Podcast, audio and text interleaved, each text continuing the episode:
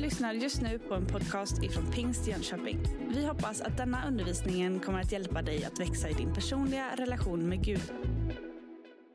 Vi är ju inne i en predikoserie där vi pratar om lite olika aspekter av vägar till glädje som också har med fastan att göra. Och nu ska vi inte prata mat, eh, inte prata eh, fasta i den meningen, men fasta är ju bredare. Liksom.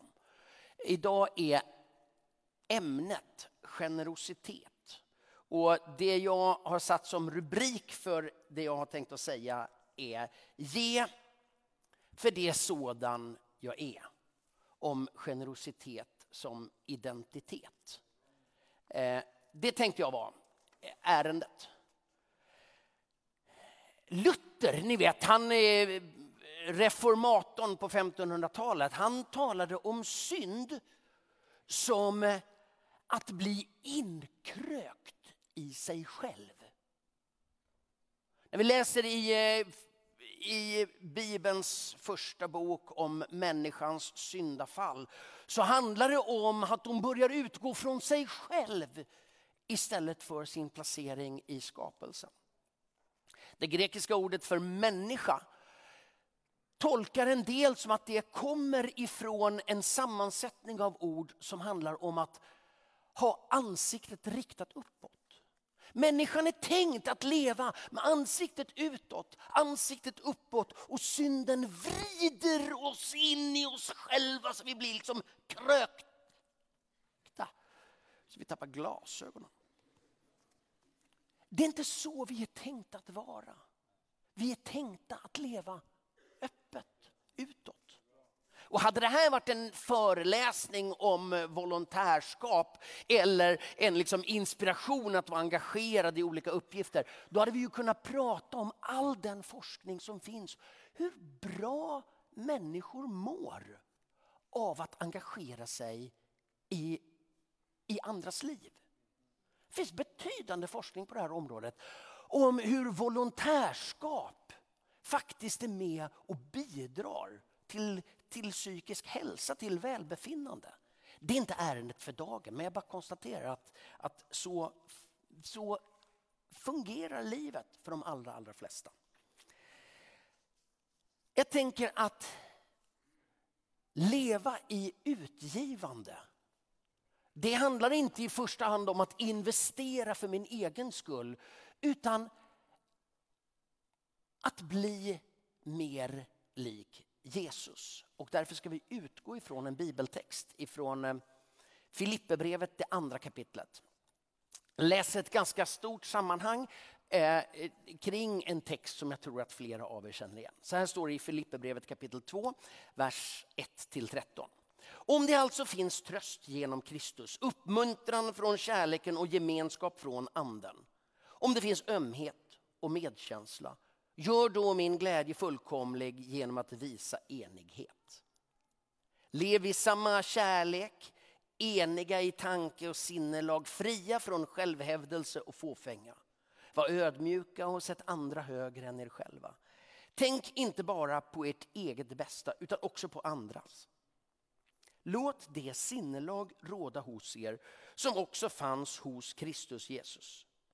Han ägde Guds gestalt men vakade inte över sin jämlikhet med Gud utan avstod från allt och antog en tjänares gestalt då han blev som en av oss. När han till det yttre hade blivit människa gjorde han sig ödmjuk och lydig ända till döden, döden på ett kors. Därför har Gud upphöjt honom över allt annat och gett honom det namn som står över alla andra namn. För att alla knän ska böjas för Jesu namn. I himlen, på jorden och under jorden och alla tungor bekänna Jesus Kristus, eh, att Jesus Kristus är Herre. Gud Fadern till ära. Därför, mina kära, ni som alltid varit lydiga, arbeta med fruktan och bävan på er frälsning. Inte bara som när jag var hos er, utan ännu mer nu när jag är långt borta. Ty det är Gud som verkar i er så att ni både i vilja och gärning förverkligar hans syften. Så skriver Paulus i Filipperbrevet.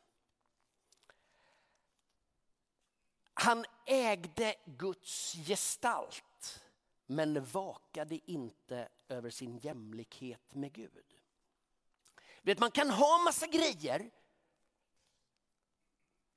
och det är ju bra. Alltså, jag har massvis med saker. Alltså på riktigt, jättemycket grejer. Jag har ju faktiskt betydligt mer grejer än jag behöver. Ta mina skjortor till exempel. Alltså jag har för många skjortor. Och ändå så slår det ibland in en impuls att jag kanske, nu har jag ju en rutig skjorta men ni som känner mig vet ju att jag ju gärna och ofta använder blommiga skjortor. Jag har ofta en impuls, jag kanske skulle köpa mig en blommig skjorta. Nej, det ska du inte Ulrik. Det behöver du inte. För just den ägodelen har du redan i mängd. Ja? Det är inget fel att ha saker. Det är inget fel att ha jämlikhet med Gud som stod om Jesus. Men det Jesus visar oss det är att inte sitta fast i det där. Han vakade inte över sin jämlikhet med Gud. Alltså vara utgivande. Att inte sitta fast i det jag har och i det jag är. Det är i linje med Guds identitet. Gud är utgivande och därför bör vår identitet också vara utgivande. Vi kommer att komma till frågor om hur man gör det där och att man kan ge saker och man kan bjussa på sig själv och så vidare. Men, men grejen är inte i första hand vad man gör utan det första, den första frågan är, vem är du? Och vem vill du vara? Vad är din identitet? Guds identitet, det är att vara utgivande.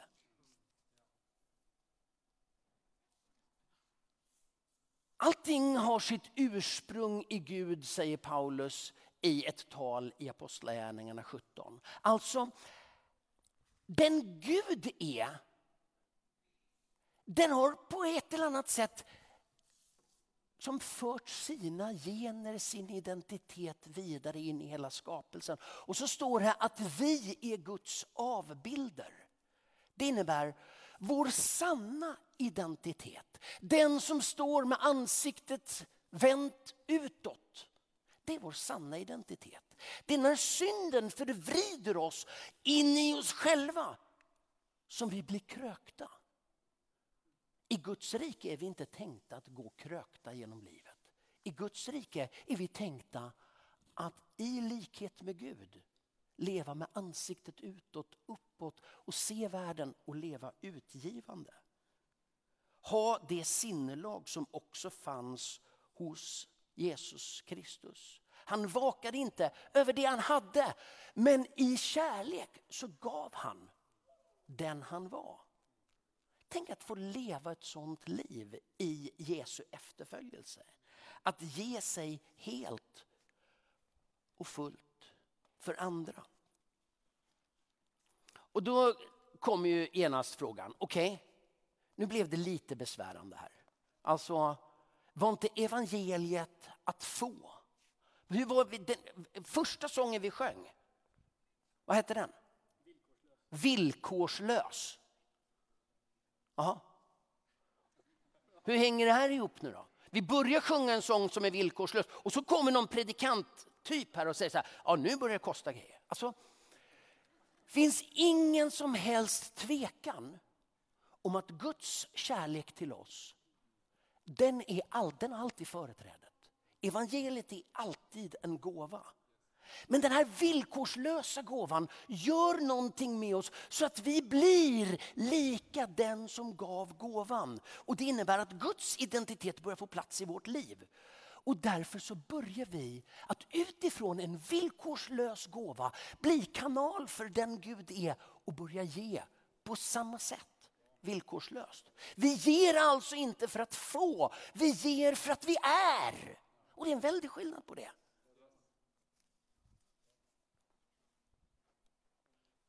Har du funderat på din andning någon gång? Andning. Tänk dig att du bara andas in. Prova. Peter, kör nu. Nu, tar vi, nu, tar vi, nu provar vi här. så andas du in och så stannar du där. Och så andas du in, så stannar du där. Och så andas, kolla på honom, han mår inte bra. Man blir en ballong liksom. Det funkar inte. Hela naturen bygger på samspelet mellan att andas in och andas ut. De tidiga munkarna de gjorde detta till en bön. I den ordlösa bönen där jag andas in och andas ut. Så tar jag emot av Gud och så ger jag det vidare. Och de kunde sitta en hel dag och bara andas. Och på det sättet fördjupa förståelsen av evangeliets gåva som också är ett utgivande. Och i det utgivandet så tar jag emot för att bli den jag är tänkt att vara genom att ge ut. Evangelium kommer aldrig att handla om att du ska göra massa grejer och ge massa grejer. Evangeliet handlar alltid om att du tar emot och det mottagandet gör någonting med dig. Och den, alltså, den skillnaden i ingången till givandet tänker jag är väldigt, väldigt viktig. Han avstod från allt och antog en tjänares gestalt. Jag tänker så här. Gud, han ger alltid lite mer. Det är liksom inte, ah, okej okay då, du får en tia. En tia finns ju knappt längre. Eller vad, ungefär så. Det är, liksom, det är ett gränslöst givande. Gud ger alltid mer. Han avstod från allt och antog en tjänares gestalt. Tänk dig det, han har Guds jämlikhet. Han sitter där på tronen. Det är bara, jag vet inte hur det där ser ut riktigt i himlen. Man, man har ju liksom såna här bilder. Liksom. Där sitter han på en stor tron och de viftar liksom, och, med palmblad och de kommer med liksom en bricka med Cola light. Och, ja, men, nej, men det, allt det där. Va? Vad det nu kan tänkas vara. Och vi skapar oss lite olika bilder. Liksom. Men han har det maximala och så ger han allt. Säger texten. Gud kommer alltid att vara generös. Han strösslar liksom. Mycket. Och när han skapar världen så stannar han upp inför varje skapelsedag och så säger han, wow, det här var ju bra. Det här var gott. Nu har han liksom, haven vimlar av fiskar, träden liksom bara växer, blommorna är, och stannar upp varje gång. Så här. Oh, det här var bra. Gud ger alltid mer. En av eh, pingströrelsens kanske viktigaste gestalter, alltså förutom Gud och Jesus och så, men alltså mänskliga gestalter, det är ju Levi Petrus som ändå får uppfattas som pingströrelsens huvudledare under stora delar av 1900-talet. Han skrev, i, han skrev memoarer.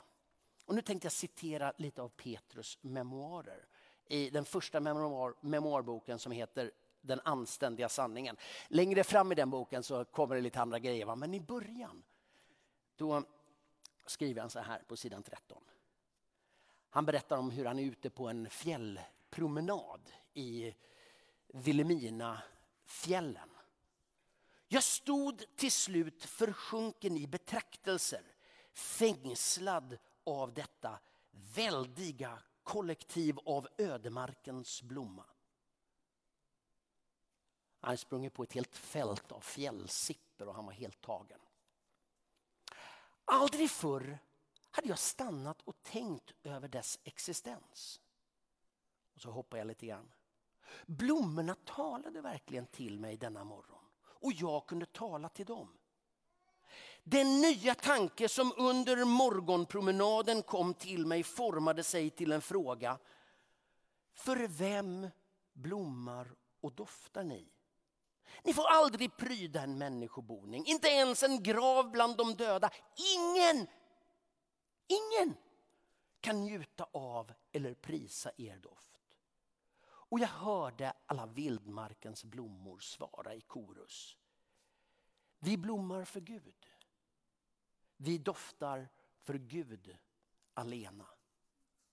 Alltså när Gud låter ödemarkens blomma blomma så är det liksom inte det är fält. Åtminstone var det det så som Petrus beskriver. Jag vet att det kan ibland vara någon enstaka blomma också. Men det, alltså Gud i skapelsens Gud är liksom, det är överflöd. Du vet, vi ska inte ha biologilektion här och jag vore för övrigt olämplig för eh, att ha den. Men jag tror att de flesta av oss känner till liksom hur en människa kommer till. Fortplantning. Du vet,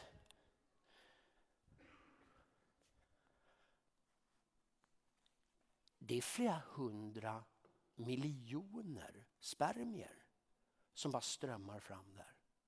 Och så blir du till. Är du med? Det är, liksom, det är inte en så här, vi får se om man tar sig fram. Det är mängder!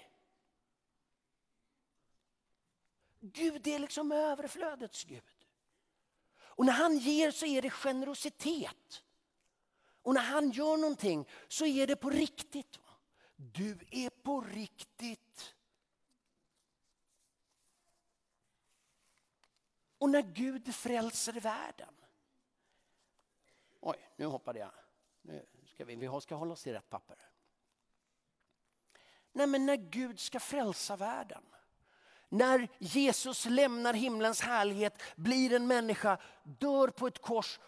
Så är det ju liksom inte, ja vi får se om någon får fram det. Han försonar världen med sig. Han gör det fullt ut. Han besegrar döden. Det är liksom inte lite, utan han gör det fullt ut. Han gav sig för hela världen. Det byggde på en kärlek utan gräns. Och på det sättet så försonar han, om vi läser andra Korinthierbrevet 5. Han försonade hela världen med sig genom Kristus. Exakt vad det där betyder det ska vi inte gå in på nu och det är nog ingen av oss som fullt ut har grepp om. Men vi kan konstatera att texten som jag läst idag, den talar om hur alla knän ska böjas.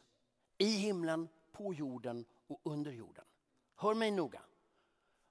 Jag säger inte att alla blir frälsta. Men jag säger frälsningen gäller alla. Gud kommer aldrig nöja sig med att frälsningen gäller några som har råkat hitta till Pingstkyrkan 12 mars 2023.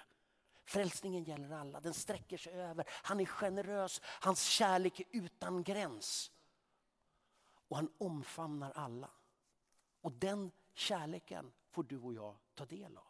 Och en dag ska vi få se den kärleken slå ut i full blom. Skapelsens mångfald pekar på hans generositet. Frälsningens omfattning pekar på hans generositet. Och upprättelsens fullkomning pekar på hans generositet. Han ska upprätta världen. Och döden, den slutliga fienden, är besegrad. Död, var är din seger? Död, var är din udd? Skriver Paulus i första Korinthierbrevet 15. Den är bruten. Alltså, det är inte en liten seger. Det är liksom inte åh, vi vann på sudden death i slutet och vi klarar oss igenom. Nej, det är fullkomligt. Det är generöst. Och en dag ska den segern slå ut i full blom. Gud ger mer. Gud ger fullt. Gud är generös. Varför? Därför att det är sån han är. Det är Guds identitet. När Jesus lämnar himlens härlighet och inte vakar över sin jämlikhet med Gud utan blir som en människa, går i döden, så är det för att det är sån Gud är. Och så säger den här texten, ha det sinnelag som också rådde hos Jesus Kristus. Med risk för att den här predikan uppfattas som ett onödigt långt kollekttal så ska vi nu göra en insamling. Så nu kan du ta fram din mobil och klicka fram swishnumret. Gud gav allt för oss. Och det var inte en uppmaning till kollektens mängd här. Men det bygger på identitet. Det bygger på vem vi är. Och om en liten stund så kommer jag vara tyst och så kommer du kunna få knappa in och vara en del utav Guds identitet, Guds givande. Vi ger ju till den här församlingen för att det behövs en massa pengar. För att det behövs grejer, vi behöver göra grejer. Men vi som är med här, vi ger ju också för att vi är del av den här gemenskapen. Vi köper hem mjölk till kylskåpet och vi lägger kollekt i, i, i Swish. Man lägger ju inte kollekt i... Alltså det där språkbruket kring det här med insamling måste ju ändras. Man kan inte lägga i kollekt i Swish. Jag vet inte riktigt hur man gör det. Men, det... Men framför allt så lever vi utgivande. För det är sån Gud är och det är sån han utmanar oss att vara. Så varsågoda, 30 sekunder med Swish-appen.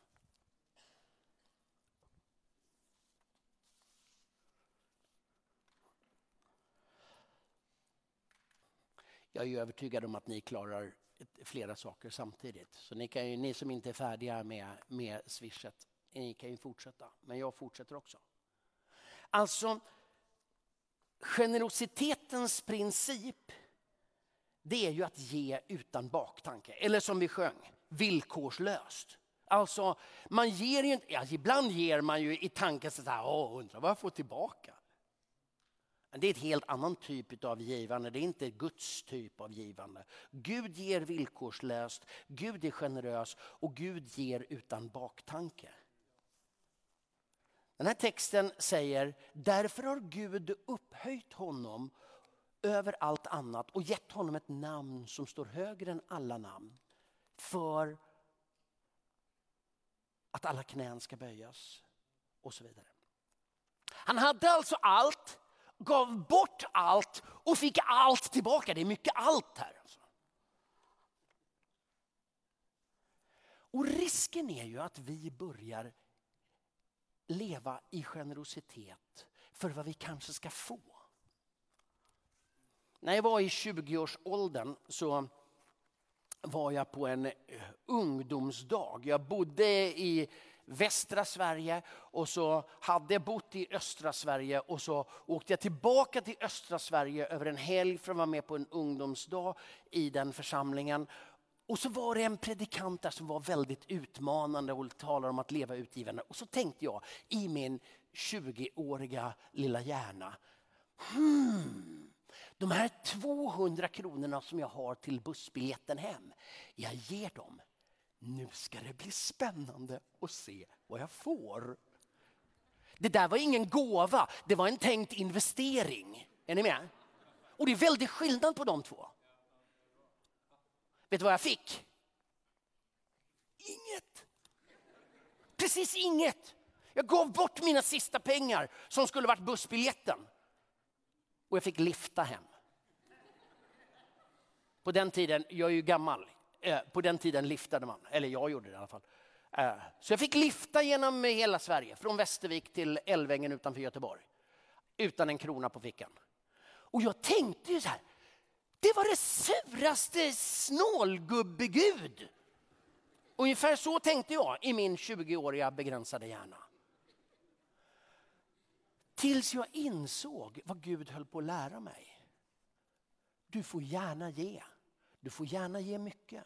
Du får gärna ge allt. Men inbilla dig inte att din gåva är en investering. När du ger så kommer du att få om du ger för att ge. Men om du ger för att få kan du stå utan. Är du med? Det är mentaliteten som är det viktiga. Det är inte vad vi gör i första hand, utan det är vilka vi är. Och det tänker jag är en avgörande sak när det gäller generositeten. När det gäller identiteten. Vi ger inte för att få, utan vi ger för det sådana vi är. Och när vi ger som identitet, då verkar det som att Gud gång på gång belönar den typen av givande. Det är det den här texten säger. Han vakade inte över sin jämlikhet med Gud, han avstod från allt och när texten går mot sitt slut så talas det om hur han får det högsta namnet över alla andra namn. Gud ger i överflöd. Och han kommer att löna generositet när det är generositet. Men det finns en betydande risk att du får en smäll på näsan om du tänker, om du förväxlar generositet med investering. Är du med? Det handlar om vem du är och vem du vill vara. Därför är det viktigt när man läser en sån här text i Filipperbrevet att förstå att den Jesus är, det Jesus gör, det är liksom förebilden för vilka vi är tänkta att vara. Ha det sinnelag som också fanns hos Jesus Kristus. Han vakade inte över sin jämlikhet med Gud, han gav allt. Ha det sinnelag som också fanns hos Jesus Kristus. Tänk inte bara på ert eget bästa utan också på andras. Han ska låta er i vilja och gärning förverkliga hans syften. Vi kan bli indragna i Guds identitet och bli en del av det utgivande som Gud ger. Inte för att vi måste liksom arbeta. Står visserligen i den här texten, arbeta med fruktan och bävan på din frälsning när jag i veckan satt med mina cellgruppskompisar. Jag, jag har gjort det lite till en vana när jag ska predika så provläser jag texten med mina cellgruppskompisar och så, och så resonerar vi lite grann. Det här var en av de saker som kom upp. Så här, ja, men nu ska man förstå det här, liksom, arbeta med fruktan och så. Och det blir liksom så här lite tungt. Och så kom vi fram till, landade i att den texten, den versen, vers 12, landar in i vers 13. Där det talas om hur Gud kommer att låta vår vilja och tanke vara en del av det han gör. Alltså, när vi blir del av Guds identitet så kommer vi att förverkliga Guds syften genom att göra Guds gärningar. Inte för att uppnå vem Gud är eller vilka vi skulle kunna vara utan som resultat av vilka vi har blivit. Är ni med? Och den där, den där rörelsen tänker jag är, den är avgörande. Att leva utgivande. Ge som gåva det ni har fått som gåva, säger Jesus till sina lärjungar i Matteus 10. I det vi brukar kalla för utsändningstalet. Han skickar ut dem och säger gå ut och predika, gå ut och liksom be för sjuka, förkunna evangeliet. Ge som gåva det ni har fått som gåva.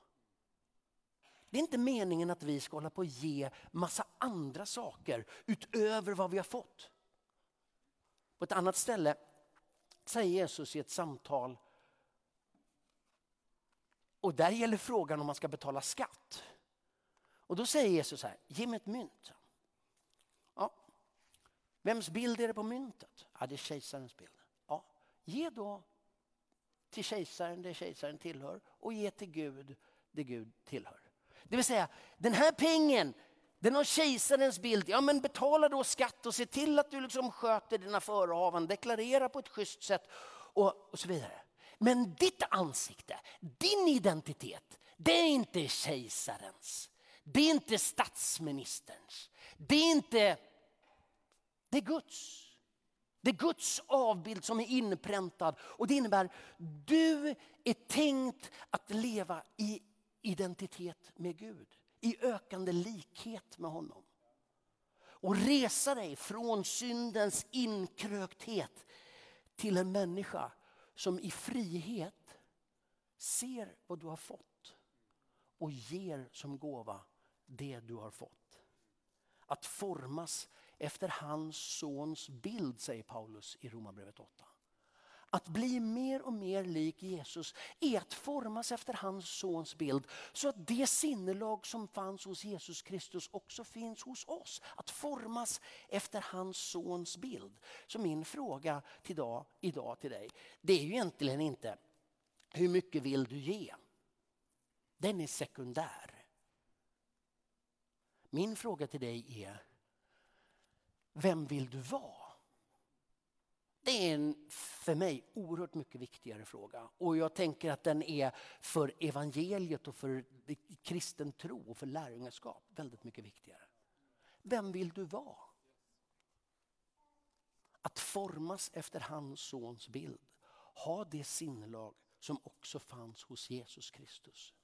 Så det är min utmaning till oss alla här idag. Vem vill du vara? Vem vill du bli? I ljuset av Guds identitet och att formas efter hans sons bild. Ska vi be tillsammans? Herre, vi tackar dig för din nåd, kärlek och omsorg. Att du alltid möter oss där vi är mitt i det liv som är vårt. Mitt i vår inkrökthet i oss själva så lockar du oss att lyfta vår blick och möta dig, du som alltid har din blick vänd mot oss.